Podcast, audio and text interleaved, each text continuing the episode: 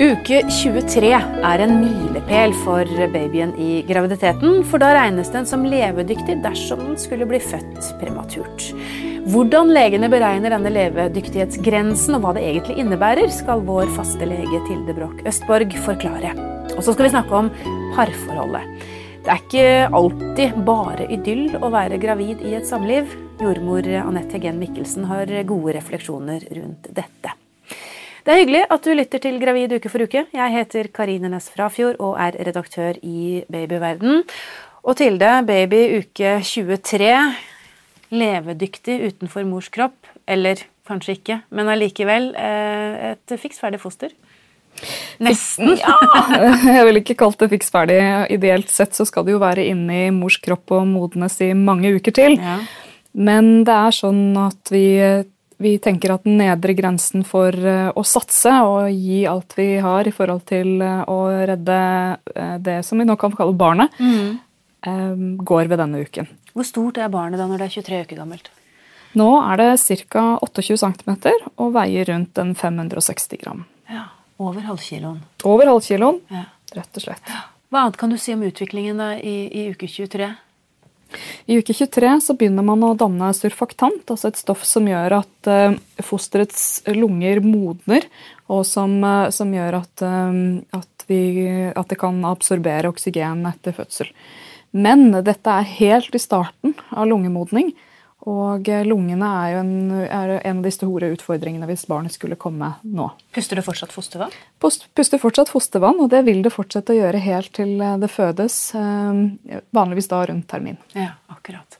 Men så var det dette med levedyktighetsgrensen. Det er et veldig klinisk ord, syns jeg. Men det er klart veldig mange puster kanskje bitte litt ekstra ut da, når de kommer forbi uke 23. Um, Men hva baserer dere dette på? Altså Levedyktighetsgrensen er eh, på en måte en kunstig satt grense, og den har jo flyttet seg i løpet av de siste 15-20 årene. Um, Det som er grunnen til at levedyktighetsgrensen er satt i uke 23, er at vi regner med at vi kan redde noen barn eh, som er født etter denne alderen. Det vil si at mange barn som fødes ved uke 23 pluss 0 vil ikke overleve, og en god del vil få varige plager. Så det er ikke, det er ikke bare positivt, dette. Det er ikke home safe, altså vi er ikke på en måte i mål på noen som helst måte, men det er fra denne uken at vi som fødselsleger og, og, og jordmødre eh, virkelig satser og gjør det vi kan for å redde fosteret i mors liv. Eh, Nå skal vi ikke skremme noen, men hva er det som for kan være årsaken til at et barn blir født prematurt så tidlig? Da er det eh, altså for tidlig fødsel, rett og slett at kroppen setter i gang eh, en, setter i gang en fødsel lenge før tiden. Eller at vannet har gått. Eh, Altså En ekstremt for tidlig vannavgang kan være en årsak til at eh, barnet fødes så tidlig. Mm. Er det noen spesielle årsaker til dette som dere vet, eller er det bare kroppen som har en, gjør, noe galt? Um, altså, for tidlig fødsel er en av de største årsakene til, eh, til nyfødt eh, dødsfall og nyfødt sykelighet i den vestlige verden. Og vi vet eh, noe om årsaker, men det er mye vi også ikke vet. Um, vi vet at det er forbundet med lavere sosioøkonomisk status. Vi vet at veldig unge førstegangsfødende har en økt risiko. Hvis man har hatt et inngrep på livmorhalsen i forbindelse med celleforandringer, så har man en litt økt risiko. Og har man født for tidlig før, så er risikoen økt. Så det er mye man kan eh, vite om på forhånd. Ja og nei. Altså det er klart at Har man noen av disse risikofaktorene, så har man det i bakhodet, men en god del av de altfor tidlige fødslene skjer uten at vi har noen forklaring eller årsak. Men hvis dere da må ta ut et barn i, eh, i uke 23, er det oftest keisersnitt da? Nei, man føder? De, eh, de fleste, altså det å gjøre keisersnitt så tidlig er ekstremt teknisk vanskelig og har store, kan ha store konsekvenser for senere svangerskap. Så det er nok veldig få sykehus som vil gjøre et keisersnitt i uke 23.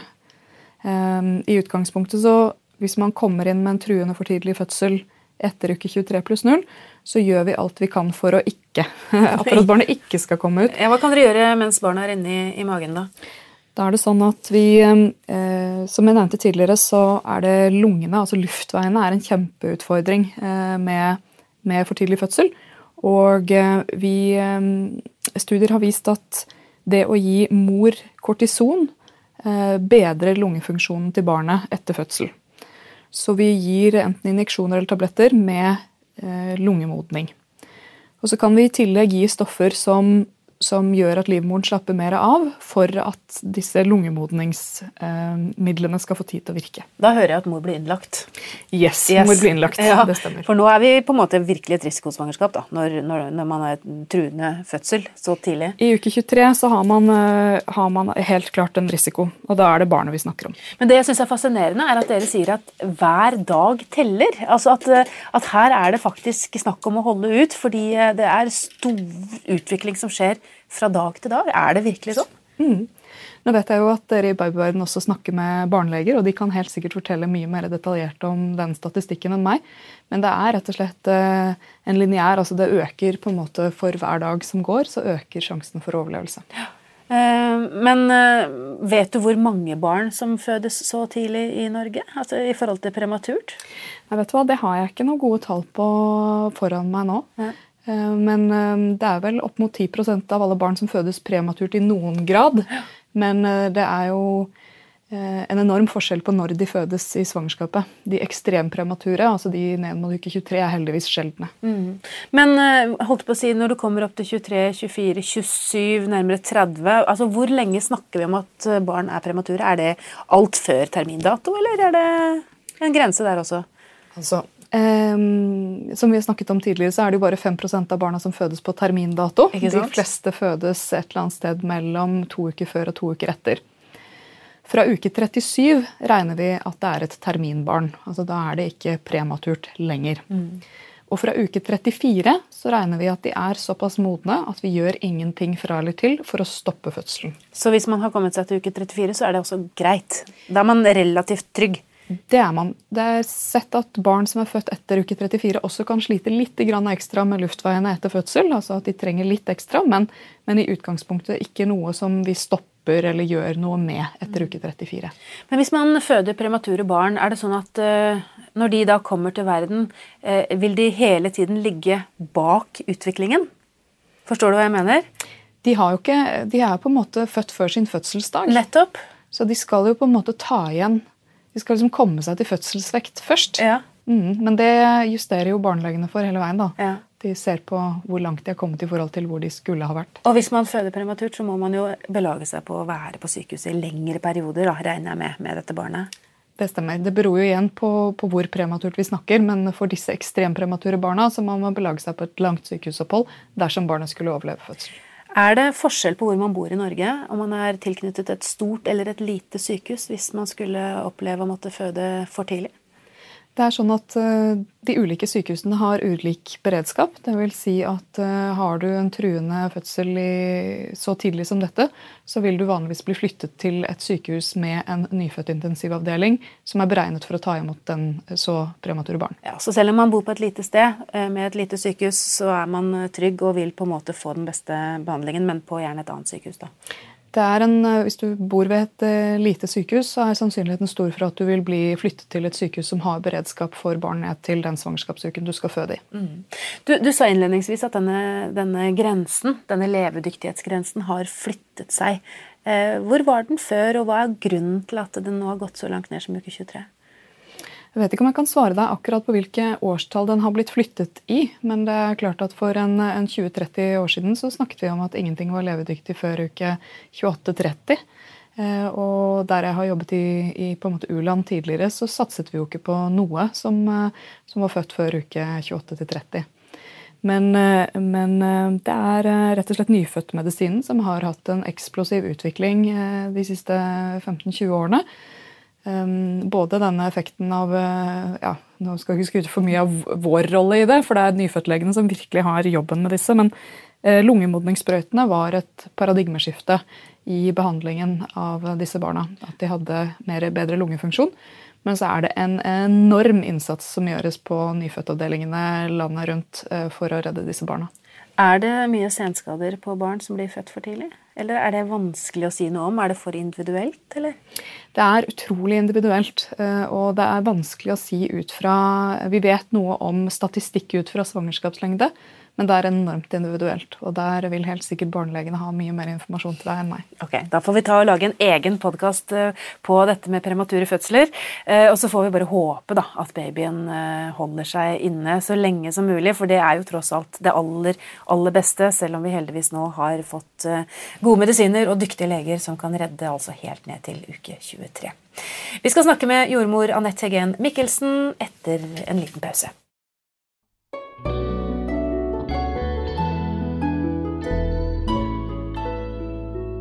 Vi er altså i uke 23 av eh, svangerskapet. Levedyktighetsgrensen har vi hørt eh, legen vår Tilde fortelle om. Forhåpentligvis da, så skal babyen være inne i magen i mange mange uker ja, til. Ja, det er viktig. Ikke sant, Anette? Mm -hmm. ja, velkommen til deg, jordmor Anette Hegen Mikkelsen. Takk.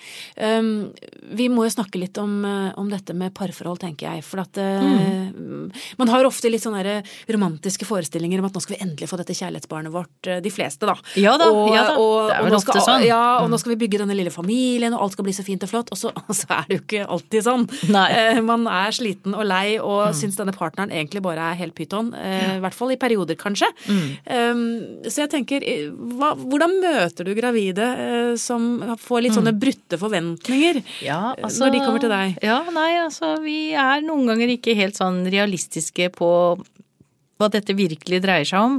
Og det kan man jo ikke være heller, for man har jo aldri prøvd før, da. Hvis man er førstegangsmamma, så vet man jo ikke hva det dreier seg om, det å skulle være gravid og, og forholde seg til partneren sin. Eh, jeg tror nok jeg har lyst til å si at det er veldig forskjellig. Mm. For noen kvinner eh, opplever at det å være nær og ha sex i forhold til partneren de, Altså man får en gyllen tid, rett og slett. At man har det veldig godt, og at man har veldig lyst på sex, og man, har, man opplever seg sjøl som veldig fin og attraktiv og er eh, Har en veldig sånn følsomhet i forhold til at man ønsker nærhet. Så vi skal jo ikke problematisere for mange? Kan Nei, du faktisk så, vokse sammen gjennom ja, et svangerskap? Fordi at det hender jo da at kvinner kommer til meg og sier er dette normalt da, Anette? Går det virkelig an at jeg har så lyst på sex? da sier du et, et klart ja. ja. Helt i orden. Ja, det er rart noen ganger å være jordmor og sitte der og godkjenne eh, Eh, at eh, det meste er normalt, da, mm, for å si det mm. sånn. Så det går virkelig an å oppleve at man eh, kjenner at man har en fin kropp, at kroppen virkelig har en flott funksjon, og at man er attraktiv og pen, og at partneren også opplever det samme. For det er jo gjerne et samspill der, da. Mm. Sånn at hvis man har en partner som, som gir uttrykk for at han eller hun syns at eh, 'nå er du fin', eller 'nå syns jeg du er vakker', mm. så er det klart at det bidrar til et, eh, en, en, eh, god setting, for å si det sånn. Og det er jo godt å høre når man forandrer seg så mye mm. kroppslig som man Absolutt. gjør i en graviditet, så er det godt å høre at partneren eh. faktisk liker det. Ja. ja. Mm. Og da har jeg jo lyst til å si at det er jo ikke farlig å ha samleie i denne sammenhengen. For det opplever vi jo at en del menn eksempel da tenker at wow, er dette lurt, da? Eh, i forhold til eh, å ha penis inne i skjeden når det bor et lite barn der inne og sånn. Og, og, og mange syns det er veldig pinlig å spørre om det, så klart. Fordi eh, da pleier vi å tulle og tøyse litt rundt det og si at jo da, det er greit nok det, men Eh, det kan ikke ødelegge noe, fordi at skjeden er jo lang og fin, den, i forhold til størrelsen på penis, og vi må nesten ta det så konkret som det. Ja. Og, og, så er det jo mykt og fint der inne, og barnet ligger godt beskytta langt inne i livmora. Og har jo denne livmormunnen imellom, og vann rundt barnet beskytter det, og det er, ikke, det er ikke noen stor fare for at det skal bli noen problemer av et vanlig samleie. Mm. Men eh, det, det fysiske er jo én ting. Hva med mm. alt det liksom mentale endringene som skjer da, når mm. man, man, er i et samliv og, og to skal bli tre, og, og, eller kanskje mm. enda flere, og, og det skjer, skjer, mye? Ja. ja. og så har du da Nå har jeg jo fortalt den fine historien, ja, ikke sant? Får du, får du de, de, andre historiene også? Og så har vi de også? andre historiene ja. som går på at man til dels kan føle eh, at man ikke har lyst på sex i det hele tatt, at man ikke orker partneren, og at man lurer på i all verden er det mulig at jeg nå har klart å bli gravid med eh, denne fyren her? Eh, eh, og eh, man kan som kvinne oppleve at man blir veldig kritisk. Altså det er jo hormonene som spiller inn, da. Veldig nøyeregnende på småting og detaljer. Eh, forandrer litt personlighet? Ja. Veldig kort runte. Eh, og, og veldig Altså, jeg tror nok at det er mange kvinner som kan oppleve at de på ene siden ser at her er jeg helt urimelig.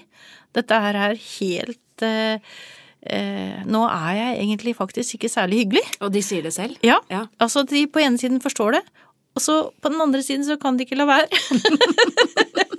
så det er liksom sånn at eh, hormonene tar en helt til tider, da. Men da må man jo kanskje, vi har snakket om det før, og dette med mm. kommunikasjon, da, i forhold til eh, å, å, prøve å få forståelse hos den andre parten. Ja, ikke sant. Og For snakke det, sammen. Dette er forbigående. Ja, det er jo det. Jeg skal ikke være et monster for resten nei, av livet. Nei. nei, ikke sant. Og, mm. og, eh, jeg opplever jo at de aller fleste partnere er jo veldig forståelsesfulle og har, eh, har stor toleranse i forhold til hvordan tingene fungerer. Men det er klart at det går jo an å ha, og man bør jo etterstrebe å ha god kommunikasjon, altså gode, nære samtaler. Og man kan jo ha god og nær eh, intimt samvær, som det heter så fint, uten at man nødvendigvis har samleie. Mm. Ikke sant? Man, det er jo viktig å være nær hverandre og eh, ha kroppslig kontakt, da, for å si det sånn, eh, selv om man ikke har samleie. Så det, det, går jo an, og det er viktig for menneskene, det å ha nær kontakt med, med, partneren sin i en sånn periode. For det er jo en krevende periode man er i og skal inn i. Men hvis du, som du sa, hvis man ikke orker Jeg orker ikke at du tar på meg, jeg orker ikke å bli mm. holdt rundt. Ja, det, det, blir, det, blir, for mye, dette her, mm. for meg akkurat mm. nå. Mm. Og det kan være vanskelig å, mm. å ja, forstå, kanskje, mm. for den andre mm. partneren. Ja, altså du, du, kan jo i det verste I verste fall, da, for å si det sånn, så kan du jo bidra til en veldig sånn ensomhet på hver sin kant. Mm. Eh, og, og man ser jo dessverre at det er en del situasjoner hvor det blir så kritisk at den som er eh, partner eh, kjenner seg så alene og ensom at han eller hun finner seg andre eh, kvinner eller menn å være sammen med i en kort periode. Altså utroskap i eh, når den andre er gravid, er jo dessverre ikke så uvanlig, for Hører, å si det sånn. Hører du om det? Ja, det hører jeg om. Og, og jeg hører jo nå at dette er ikke så hyggelig å snakke om, men, men, det er grunnen til at jeg sier det, er at jeg tenker at det er viktig å være oppmerksom på at man må prøve alt man kan å snakke godt sammen og være sammen og være oppmerksom på at alle trenger å få en bekreftelse på at eh, de er fine og gode, og at jeg vil være sammen med deg. At jeg ønsker å være sammen med deg. Så tenker jeg at uh, hvis man merker at her går det dårlig, mm. kanskje man rett og slett skal be om hjelp. Ja, søke råd ja. er veldig lurt. Ja. Og der igjen så tenker jeg at uh, jordmødre i denne sammenhengen uh, har hørt de aller fleste historier, har jeg lyst til å si. Mm. I hvert fall mange. Og det er om man finner en jordmor eller en lege hvor man føler man har fortrolighet til vedkommende, og, og åpner seg i forhold til en, de vanskelige temaene, så vil jeg jo absolutt råde en til at den gjør det i tide, da. Mm. Før det blir ordentlig alvor og en, et dramatisk brudd. Så kan man jo kanskje prøve seg med parterapi også. Altså, ja, ja, det, det, er, det er mange mm. måter mm. å, å, å finne løsninger på. Ja. Så, så, selv om man eh, kanskje Eh, ønsker da, at det skal være en idyllisk eh, tid å gå gravid og, og bygge rede og bygge familie, så Er det ikke alltid sånn. Og det er kanskje greit å være mm. forberedt på det også, mm, mm. Eh, sånn at man kan ta det som kommer, men prøve å Søke råd i tide. Ikke sant. Ja. Søke råd i tide. Um, ja, nei, men det, det, tror jeg blir stående som et godt råd ja. i denne episoden. Takk skal du ha, Anette Hegen Mikkelsen, vår faste jordmor, altså. Og um, i neste episode har vi kommet fram til uke 20 2024. Og da skal vi snakke om noe som jeg syns er kjempespennende, nemlig det jordmødre kaller for livets tre, eh, og som vi andre kaller, eller kjenner mest som morkaka, for den har nemlig en helt spesiell funksjon for babyen din. Hvis du vil ha mer og troverdig informasjon om graviditet og småbarnstid, finner du mange tusen artikler på babyverden.no. Last gjerne ned appen vår Gravid og barn, så kan du følge din babys utvikling uke for uke, både før og etter fødsel. I appen finner du også artikler, morsomme verktøy, gode tilbud og selvfølgelig også alle podkastepisodene våre. Som medlem i Babyverden får du også ukentlige nyhetsbrev med masse nyttig informasjon om både deg og babyen din, og tilgang til vårt populære diskusjonsforum. Våre medlemmer er også med i trekningen av flotte premier hver måned helt fram til barnet fyller ett år. Alt er selvfølgelig helt gratis. Det er også Babyverden som utgir Spedbarnsboken, som du kanskje har hørt om. Vi har gitt ut Spedbarnsboken gratis helt siden 1964, og den får du på de fleste sykehus etter at du har født. Men hvis du vil ha boken tilsendt i posten før fødsel, kan du bestille den via babyverden.no eller appen vår.